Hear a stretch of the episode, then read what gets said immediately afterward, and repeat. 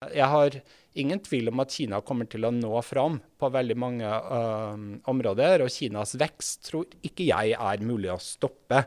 Den er der for å, å, å fortsette.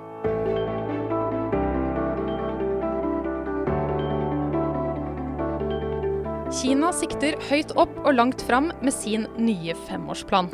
De skal bli verdensledende på teknologi og innovasjon, og ikke minst så skal Kina sprenge alle grenser og gå forbi USA for å bli verdens største økonomi.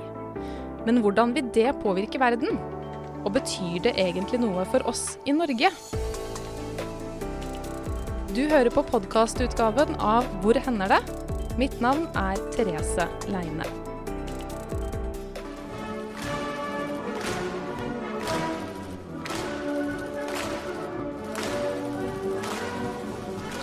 Det er fra åpninga til årets uh, folkekongress, eller åpninga av det som er den nasjonale folkekongressen i Kina, som er litt sånn sammenlignet i sånn norske forhold, det som er Stortinget eller parlamentet i mange land, hvor ledende politikere, stort sett fra alle steder i Kina, som representerer liksom ulike deler av landet, kommer sammen hans Jørgen Gåsemyr er seniorforsker ved NUPI og postdoktor ved Universitetet i Bergen. Han forsker bl.a. på kinesisk politikk. Og så er det litt spesielt i år at det er eh, året da de lanserer det, eller vedtar formelt, den nye planen som skal gjelde for politisk og økonomisk og sosial utvikling i Kina de neste fem årene. Og hvert femte år så lager de altså og vedtar, uh, vedtar en femårsplan. Hvorfor gjør de det? Det er jo ikke et demokrati. Det er et land hvor det er kommunistpartiet som styrer og bestemmer det aller meste. Og da har de en tradisjon for å legge de her store målene, og så setter de en sånn plan som i dag må tolkes mer som et veikart og en sånn politisk navigering med noen klare mål, hvor veldig mye av politikken faktisk tar form underveis. Men uh, planen er fortsatt veldig viktig, for den staker ut kursen både om det som skal gjøres og det som ikke skal gjøres. Kinesiske ledere setter også enorm prestisje i å nå de her målene, så de er ganske bindende.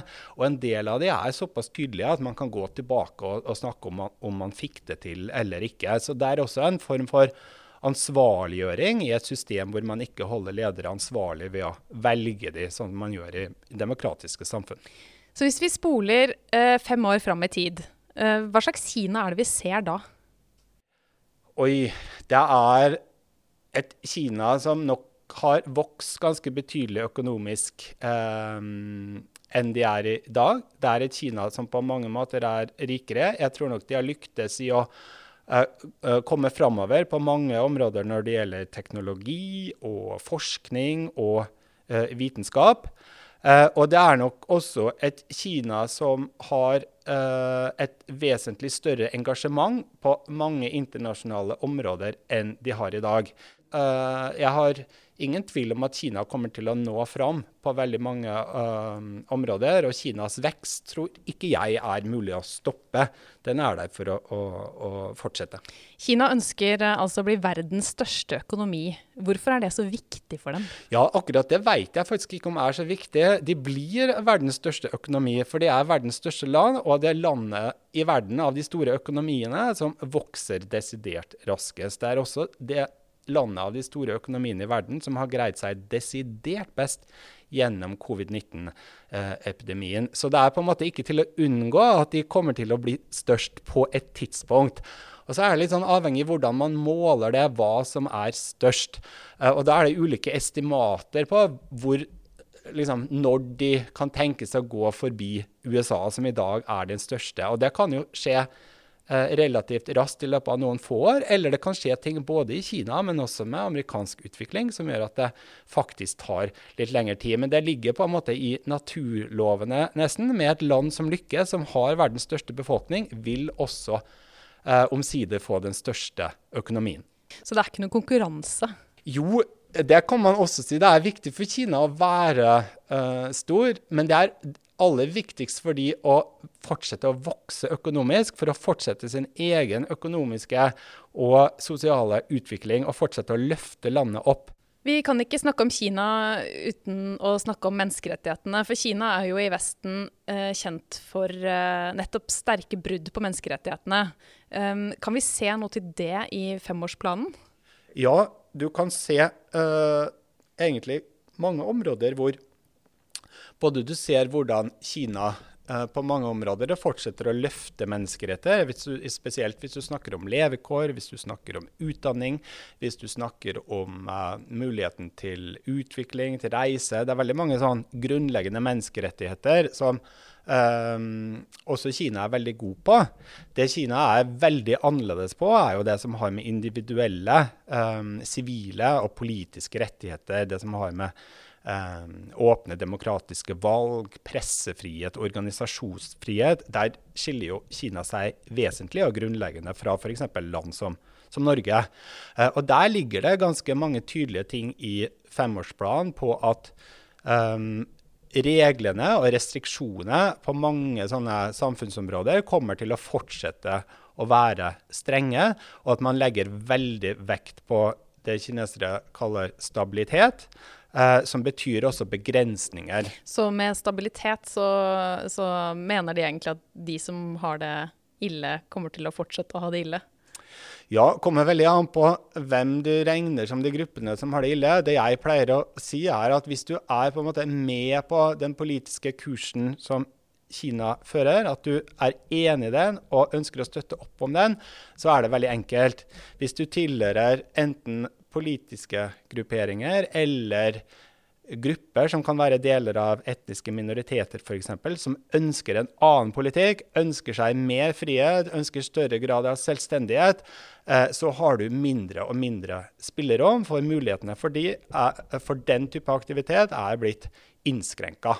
Kina har, eh, jeg vil ikke si alltid, men har gjennom mange år ført en veldig restriktiv politikk med det som er samfunnsengasjement eller politisk engasjement som har en brodd med eller bryter med det som er partiets linje. Mm, og res med restriktiv politikk, så mener du?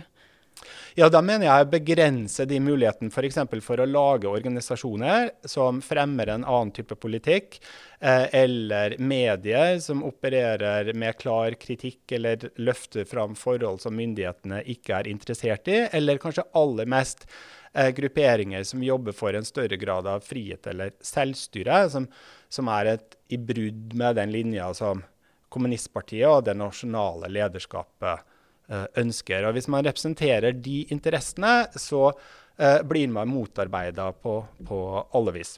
Hva slags forhold har Kina til omverdenen? Kina har uh, aldri hatt et mer omfattende uh, internasjonalt samarbeid eller relasjoner med omverdenen, hvis du tenker liksom på den store verden. De har aldri vært mer engasjert i FN, de har aldri vært eh, mer til stede i verden. De har aldri hatt større økonomiske interesser representert i stort sett alle verdens land. Men det er en absolutt skjerpa konfliktlinje som vi har sett gjennom ganske mange år, men som har fått en tilspissning eh, de siste åra mellom eh, USA og Kina. Og den fortsetter på mange vis, også etter at Biden ble president. Og så ser vi en, uh, også en større grad av konflikt, men kombinert med også mange forhold hvor det er utstrakt samarbeid mellom Kina og europeiske land. Norge og Kina har jo hatt litt problemer i forholdet sitt de siste åra. Kan du fortelle litt om det? Ja, um, Norge har desidert vært et av de landene i Europa og den vestlige verden som har hatt et veldig sånn godt og fungerende forhold til Kina. Eh, og Så kom jo den eh, nobelprisen mot Liu Xiaobo i 2010. og Da gikk jo Kina til det som var mer en regelrett politisk boikott. Uh, og parkerte Norge egentlig i en sånn politisk fryseboks i seks år. Hvorfor ble, de, hvorfor ble de så sinte på den eh, fredsprisen? Akkurat det med fredsprisen er noe Kina har fortsatt å mase om egentlig i alle år. Og på en måte advart om, og fortsetter å advare mot. Nettopp for å markere at dersom det kommer en sånn type fredspris til, så vil Kina slå hardt ned på det, for det godtar det ikke. Den type sånn Um, uh, fingerpeking eller uh, kritikk, det vil ikke ha noe av. Men det er viktig å huske på også at den nobelprisen var det ikke den norske regjeringa eller norske politikere som delte ut. Det var Nobelkomiteen, som egentlig ikke er en politisk uh, komité. Uh, men fordi sett fra Kina så er den så tett knytta til det norske politiske miljøet at man ikke vil godta den selvstendigheten rett og slett som Norge fortsetter å, å påstå. Og Hvordan skada det Kina og Norge sitt forhold? man må huske på at det var veldig mange ting som fortsatte å fungere ganske greit under de åra. Eh, handelen fortsatte. Mye av samarbeidet innen forskning og utdanning fortsatte. Eh, en del andre aktiviteter fortsatte også. Men den er også veldig lett å eh, undervurdere effekten av den prisen, fordi man nettopp ikke ser alle de tinga som aldri ble starta, eller som ble stoppa, eller som var på trappene. Og Hvordan er dette forholdet i dag? Nå har Norge blitt en litt sånn Ikke et glansbilde, men, uh, for det er utfordringer også i det norske forholdet, men i hvert fall et sted og et forhold som er prega av veldig sånn stabile og, og ganske praktiske uh, samkvem. Og så sitter jo nå Norge i Sikkerhetsrådet som en sånn valgt inn for to år. Og der har jo Kina et sånn permanent medlemskap. Så det er litt uh, gøy nå at uh, akkurat de to årene her så har jo norske og kinesere, da, i hvert fall på sånn myndighets- og regjeringsnivå, veldig mye mer med hverandre å gjøre og diskuterer store politiske saker mye tettere enn det man ellers gjør. Mm. Har du noe å si for meg som nordmann eh, om det er Kina som er den største økonomien i verden, eller om det er USA? Nei, jeg tror ikke jeg vil si at jeg har en sånn direkte effekt. Jeg tror heller ikke vi skal overvurdere hvor store endringene vil bli eh, med Kina som er større og som vokser seg eh, sterkere. Men man vil se at noen av de politiske sakene som Norge jobber for, eh, om det f.eks. gjelder det her som er med individuelle sivile og politiske menneskerettigheter, Uh, at man ønsker å fremme demokratisering, man ønsker å fremme det som er demokratiske institusjoner eller noen type politisk utvikling i noen land, kan bli vanskeligere, for man har et mektigere Kina som um, enten aktivt motarbeider det, eller uh, velger å ikke støtte det. Og så er jo Norge også et av de landene i verden som har tjent veldig mye på Kinas økonomiske vekst.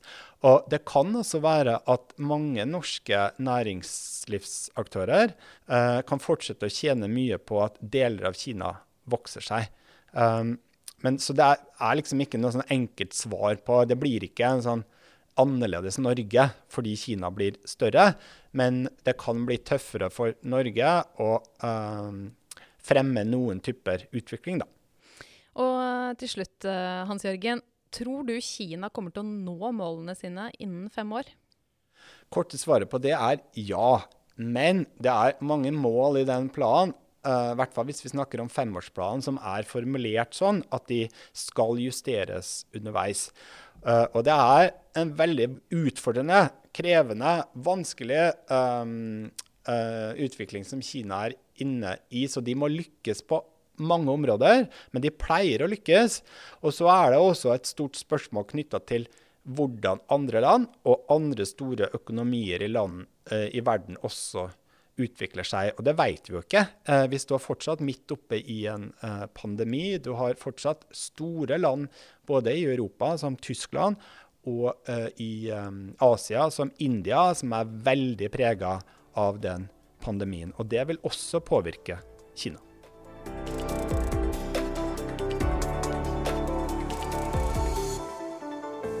Hvis du vil høre mer, så kan du abonnere i en podkast-app. Søk på Nupi podkast, så finner du oss.